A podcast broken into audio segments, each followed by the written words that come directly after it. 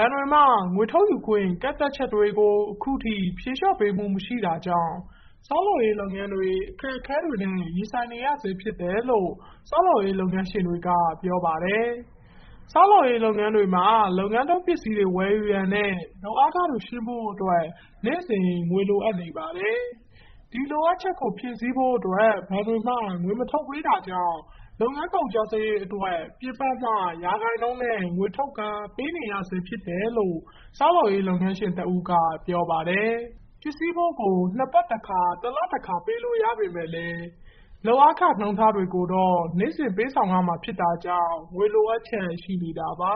။အကြမ်းဖက် စစ်ကောင်စီမှာ အာဏာသိမ်းပြီးနောက်ပိုင်း ဘဏ်စနစ်တွေ ခက်ခဲသွားခြင်း၊ငွေထုတ်ရာမှာ ကြန့်ကြာခြင်း၊ငွေသားစီးဆင်းမှု နည်းပါးခြင်းတွေကြောင့် ပြင်ပမှ ငွေသားရရှိဖို့အတွက် ၄ ရာခိုင်နှုန်းမှ ၆ ရာခိုင်နှုန်းအထိပေး၍ထုတ်ယူနေရတာ ဖြစ်ပါတယ်။ဒါ့အပြင် ဆောက်လုပ်ရေးလုပ်ငန်းသုံး ပစ္စည်းတွေဖြစ်တဲ့ ပြည်ပမှတင်သွင်းတဲ့တန်ထည်ပစ္စည်းတွေ၊အလူမီနီယံ အဆောက်အအုံအမိုးတွေ စတဲ့ ပစ္စည်းတွေမှာလည်း အရင်ကထက် ထက်ဝက်နီးပါး ဈေးမြင့်တက်မှုတွေ ရှိနေကြောင်းလည်း သိရပါတယ်။ တရုတ်ယွမ်ငွေကို မြန်မာ-တရုတ် နယ်စပ်ကုန်သွယ်ရေးမှာ တရားဝင်ပေးချေနိုင်တဲ့ ငွေကြေးအဖြစ် လက်ခံသတ်မှတ်သွားမှာဖြစ်ကြောင်းကို မြန်မာဗဟိုဘဏ်က ဒီဇင်ဘာလ ၁၄ ရက်နေ့မှာ ကြေညာတယ်လို့ တရုတ်အစိုးရအာဘော် Global Times သတင်းစာက ဖော်ပြထားပါတယ်။တရုတ်-မြန်မာ နှစ်နိုင်ငံကုန်သွယ်မှုကို တိုးမြှင့်နိုင်ရန် ကုန်စည်စီးဆင်းမှု မြန်ဆန်ချောမွေ့စေရန် နှစ်နိုင်ငံ ငွေပေးချေမှုနဲ့စာရေးရှင်းလင်းမှုစနစ် လွယ်ကူစေရန်နဲ့ ASEAN Financial Integration ရဲ့ ရည်ရွယ်ချက်တွေနဲ့အညီ ပြည်တွင်းငွေကြေးသုံးစွဲမှုကို တိုးမြှင့်နိုင်စေဖို့အတွက် တရုတ်ယွမ်ငွေကို မြန်မာ-တရုတ် နယ်စပ်ကုန်သွယ်ရေးမှာ တရားဝင်ပေးချေနိုင်တဲ့ ငွေကြေးအဖြစ် လက်ခံသတ်မှတ်သွားမှာဖြစ်ကြောင်းကို မြန်မာဗဟိုဘဏ်ရဲ့ ထုတ်ပြန်ချက်အရ သိရပါတယ်။ပေးချေခွင့်ပြုတဲ့ ငွေပမာဏကို အမေရိကန်ဒေါ်လာ ၃၁၄ သန်းနဲ့ ညီမျှတဲ့ ယွမ်ငွေ ၂ ဘီလီယံအထိ ခွင့်ပြုဖို့ သတ်မှတ်ထားပါတယ်။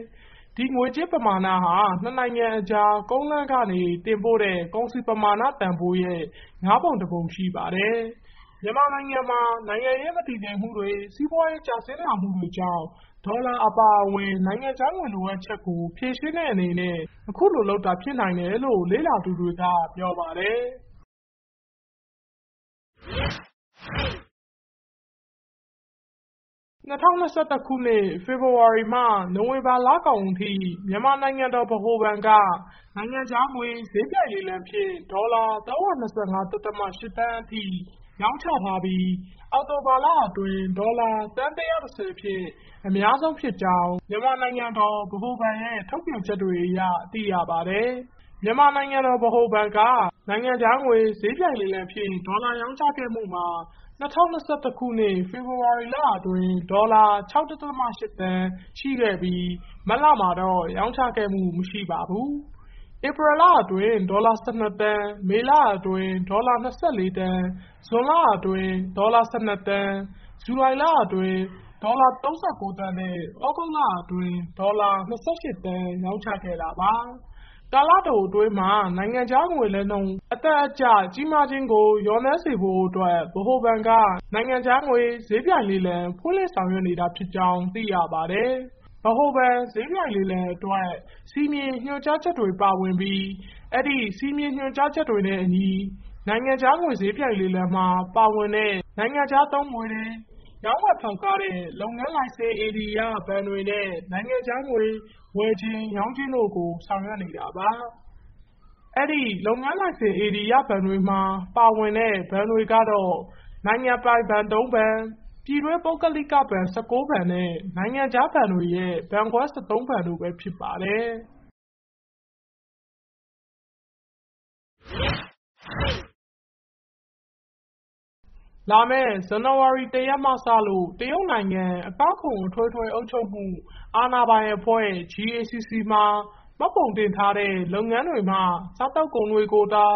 တရားဝင် တင်သွင်းခွင့်ပြုမှာ ဖြစ်တာကြောင့် မြန်မာ့ပို့ကုန် လုပ်ငန်းရှင်တွေအနေနဲ့ မှတ်ပုံတင်နိုင်ရေးအတွက် တရုတ်ပြည်သူ့သမ္မတနိုင်ငံသို့ အစားအသောက် တင်ပို့တဲ့ လုပ်ငန်းတွေ မှတ်ပုံတင်ခြင်းနဲ့ ထောက်ခံချက်ပေးနိုင်ရေး လုပ်ငန်းအဖွဲ့က အသိပေးချက် ထုတ်ပြန်ထားပါတယ်။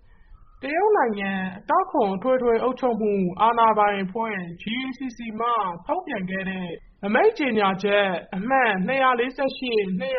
၉ တို့အရ တရုတ်နိုင်ငံက GACC မှာ မှတ်ပုံတင်ထားတဲ့ လုပ်ငန်းတွေမှစားသောက်ကုန်တွေကိုသာ ၂၀၂၂ ခုနှစ် ဇန်နဝါရီ ၁ ရက်မှစတင်ကာ တရားဝင် တင်သွင်းခွင့်ပြုတော့မှာ ဖြစ်တယ်လို့ သိရပါတယ်။ မြန်မာနိုင်ငံမှ တရုတ်နိုင်ငံသို့ အစားအစာ တင်ပို့မယ့် လုပ်ငန်းတွေနဲ့ တင်ပို့လျက်ရှိတဲ့ လုပ်ငန်းတွေအနေနဲ့ တရုတ်နိုင်ငံမှာ မှတ်ပုံတင်နိုင်ရေးဆိုင်ရာ အချက်အလက်တွေကို တရုတ်နိုင်ငံ အကောက်ခွန် အထွေထွေအုပ်ချုပ်မှု အာဏာပိုင်အဖွဲ့ GACC ရဲ့ သွင်းကုန်နဲ့ ပို့ကုန်၊အစားအစာ ဘေးကင်းလုံခြုံမှု ဗျူရိုမှ ဘေဂျင်းမြို့ရှိ မြန်မာသံရုံးသို့ အကြောင်းကြားလာကြောင်း သိရပါတယ်။ ၂၀၂၀-၂၀၂၁ ဘဏ္ဍာနှစ်အတွင်း မြန်မာနိုင်ငံမှ ပြည်ပသို့ ပို့ကုန်အများဆုံး တင်ပို့ထားတဲ့ ၁၀ နိုင်ငံစာရင်းမှာ တရုတ်နိုင်ငံက ဒေါ်လာ ၄,၉၀၅ဒသမ၈၀ သန်းနဲ့ ထိပ်ဆုံးက ရပ်တည်နေတာပါ။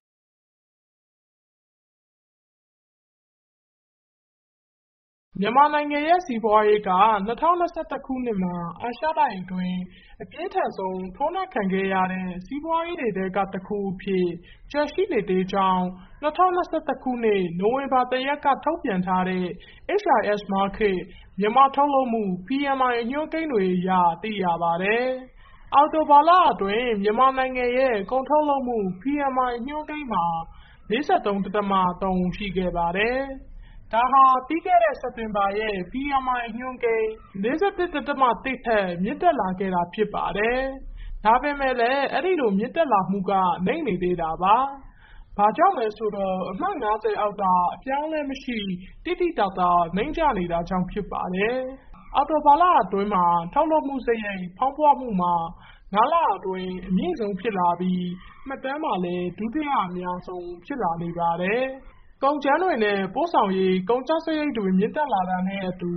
ငွေလဲလှယ်နှုန်း ဆိုးရွားလာတာကလည်း ထုတ်လုပ်မှုစရိတ်တွေကို မြှင့်တင်ဖို့အတွက် ဖိအားတွေ ဖြစ်လာစေပါတယ်။စက်ရုံတွေရဲ့ ရောင်းဈေးတွေပါ အလားတူအရှိန်နဲ့ မြင့်တက်လာခဲ့ပြီး စစ်တမ်းကောက်ယူမှုသမိုင်းမှာ တတိယအားအကောင်းဆုံး ထိုးတက်မှုဖြစ်ကြောင်း သိရပါတယ်။ ဒါ့အပြင် အောက်တိုဘာလအတွင်း ဝယ်လိုအားပျော့လာခြင်း၊ကုန်ကြမ်းရှားပါးမှုနဲ့ ကျွမ်းကျင်လုပ်သား မလုံလောက်မှုတွေကြောင့် မြန်မာနိုင်ငံရဲ့ စီးပွားရေးက ထပ်မံ ထိုးနှက်ခံခဲ့ရကြောင်းလည်း သိရပါတယ်။